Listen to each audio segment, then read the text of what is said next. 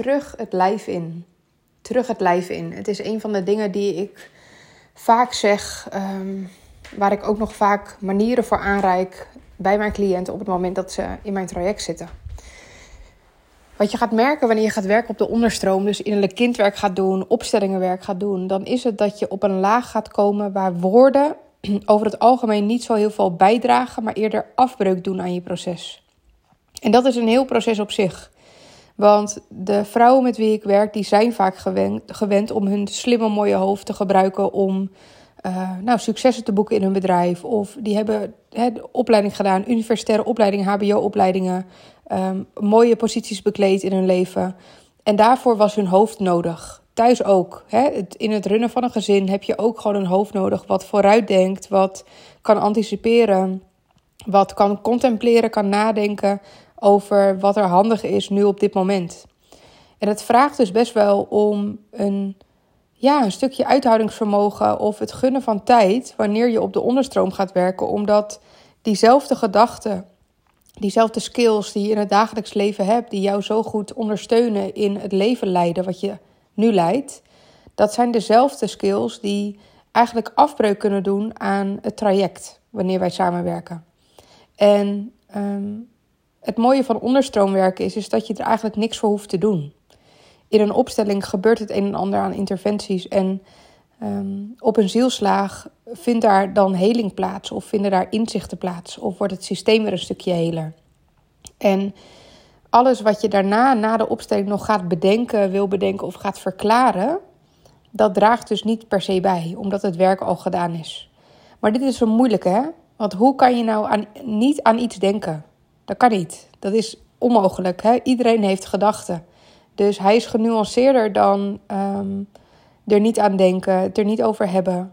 Want je gaat sowieso een proces in waarin je dat intern allemaal te verwerken hebt.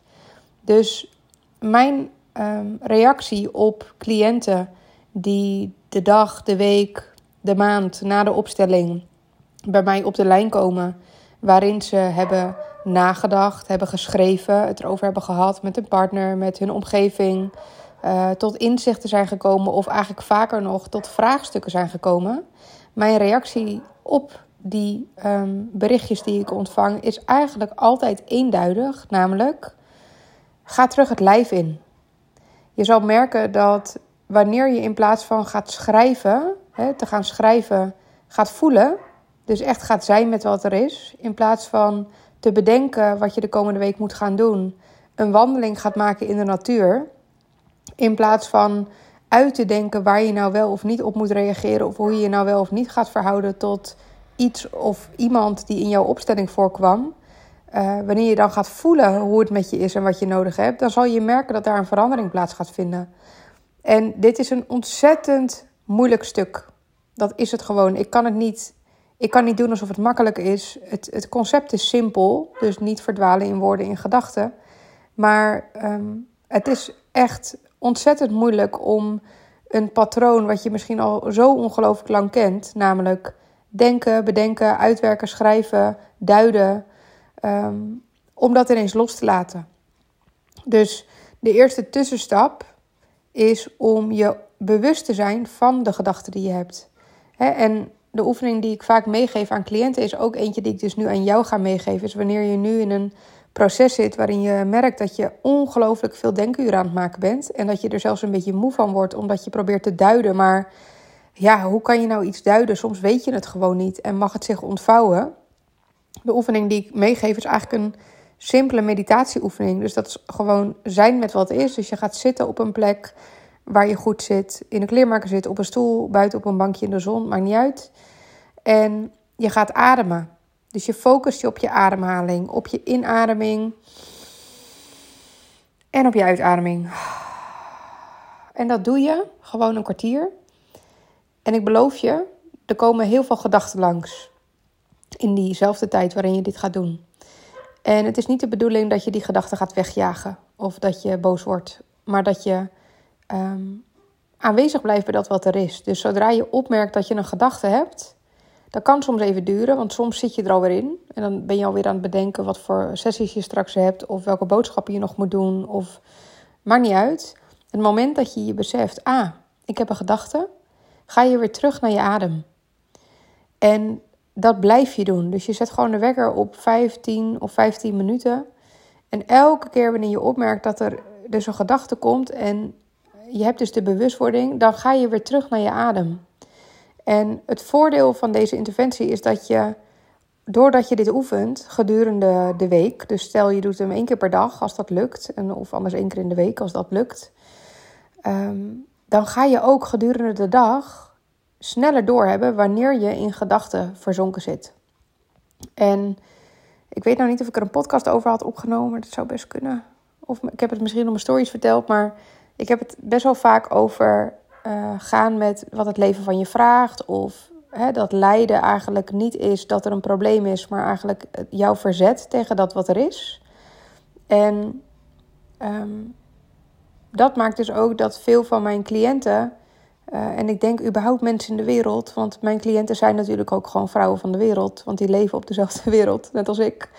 Um, dat het meeste lijden wordt veroorzaakt door willen dat iets anders is dan dat het daadwerkelijk is. En wat dat lijden veroorzaakt, is vaak onze gedachten, of eigenlijk altijd onze gedachten over iets. Dus wanneer je je gedachten kunt observeren, in plaats van gaat interfereren met je gedachten, dus niet helemaal wordt meegezogen, dan kun je dus ook neutraler kijken op een bepaald moment naar de gedachten die je hebt. Je gedachten zijn namelijk niet de waarheid. We hebben er zo'n 60.000 per dag. Daarvan zijn er misschien maar 5% uh, eh, bewust. En wanneer je hier dit als practice gaat zien, om dus elke keer wanneer je een gedachte hebt of je wil iets hardop uitspreken naar iemand en dat gaat over het verleden of over de toekomst, dan ben je eigenlijk jezelf uit het hier en nu aan het halen. dus jouw gedachten halen je dan uit het hier en nu. En dat is soms niet erg, want soms vraagt het leven van je dat je je voor te bereiden hebt op dat wat er komt. Dus stel je hebt een belangrijk gesprek of je hebt een event of je hebt een uh, weet niet iets wat je aan moet gaan, dan kan voorbereiding heel fijn zijn. Maar dan zet je hem heel bewust in. Vaker zetten we hem helemaal niet bewust in. En zijn we dus heel erg bezig met denken, denken, denken, denken, denken. Maken we ons zorgen. En dat is eigenlijk een soort van de verkeerde kant op fantaseren, zo noem ik het vaak. Dus we zijn al bij de, met ons hoofd bij de toekomst. Te bedenken wat er dan gaat gebeuren of wat we dan moeten doen als. We proberen te duiden waar we nu op dit moment in zitten in ons leven. En dat maakt het uh, vaak ingewikkelder dan nodig. Hè, dus mijn uitnodiging voor jou is echt voor al mijn cliënten, maar ook dus voor jij die dit luistert, is om terug je lijf in te gaan. En terug je lijf in, dat doe je dus door je af te stemmen op je adem. Je kan namelijk niet, als je je op je adem afstemt, tegelijkertijd in de toekomst zijn. Dat kan niet. Je kan ook niet denken aan je boodschappenlijstje terwijl je op je adem aan het afstemmen bent. Dat kan niet, want je kan maar één ding tegelijk doen. En je adem is dus altijd je anker in het nu. En mocht je toch opmerken dat er een gedachte komt, want die komt, dat is een feit, die komt, dan observeer je die gedachte en je gaat weer terug naar je adem. Dat is de enige practice. En je zal merken, ik spreek uit ervaring, als je dit vaak genoeg doet. Ik ben hier nu denk ik zo'n zeven of acht jaar mee bezig. Het ene moment doe ik het drie keer per dag. Het andere moment doe ik het maar één keer in de maand. En merk ik, oh, ik mag dit weer wat vaker gaan doen. Het gaat er niet om dat je hem consistent elke dag die ademoefening doet die ik net vertel. Maar dat je eigenlijk weer terugkeert wanneer je merkt, oh ja, het is weer even nodig.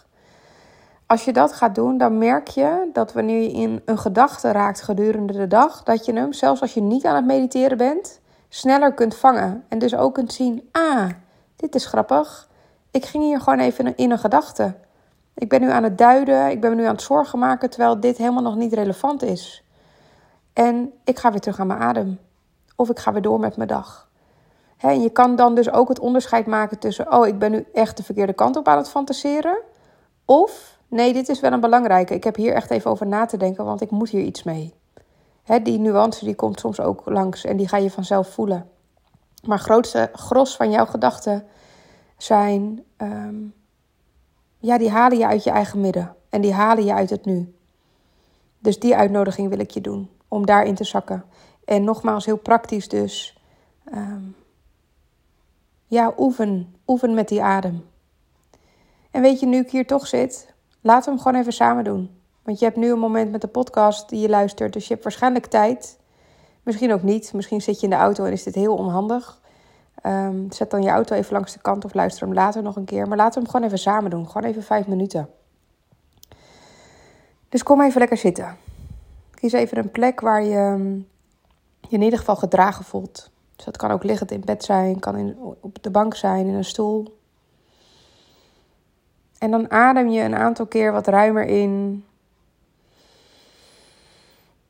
En wat krachtiger uit.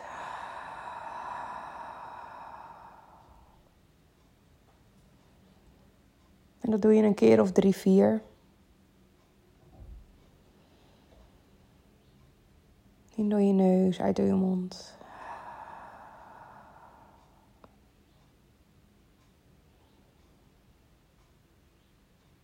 En dan blijf je met je aandacht bij je adem.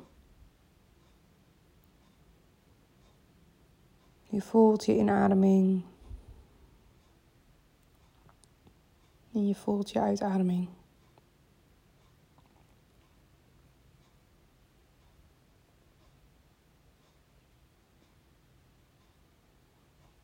Focus op je adem, op je inademing, je uitademing. En je hoeft er niets aan te veranderen, maar waarschijnlijk merk je dat die al verandert doordat je aandacht er naartoe gaat.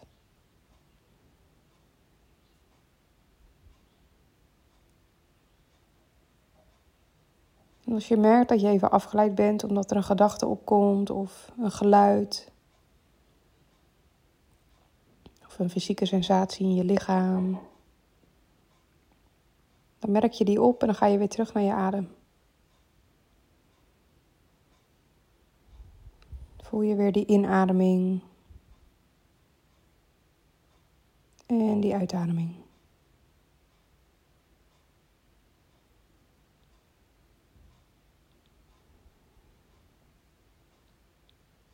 En voel maar waar je adem zit. Zonder iets te veranderen.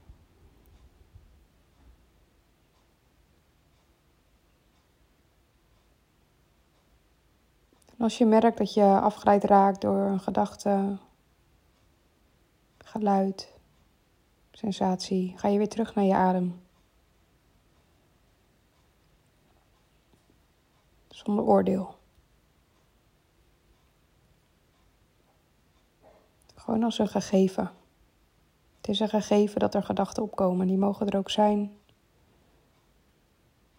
En we hoeven er niet in mee te gaan. Dus je keert weer terug naar je adem.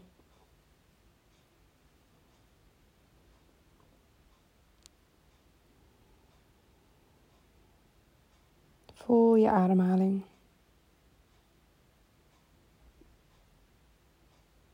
Kijk maar of je kunt observeren hoe je adem voelt vandaag.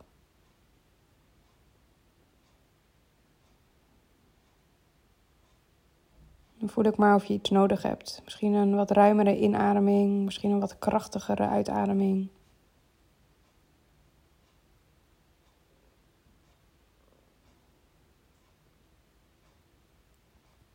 Voel je adem.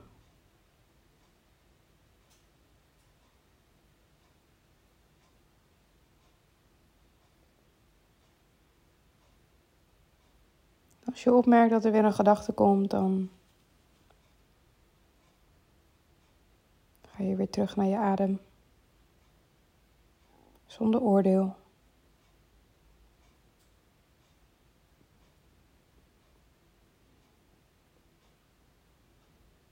En rond dan je practice af. Dus je maakt je adem weer wat dieper. Weer wat krachtiger uit. Als een signaal voor je lichaam dat je weer langzaamaan wakker wordt weer in het hier en nu bent. Je zo je ogen weer gaat openen op jouw tempo.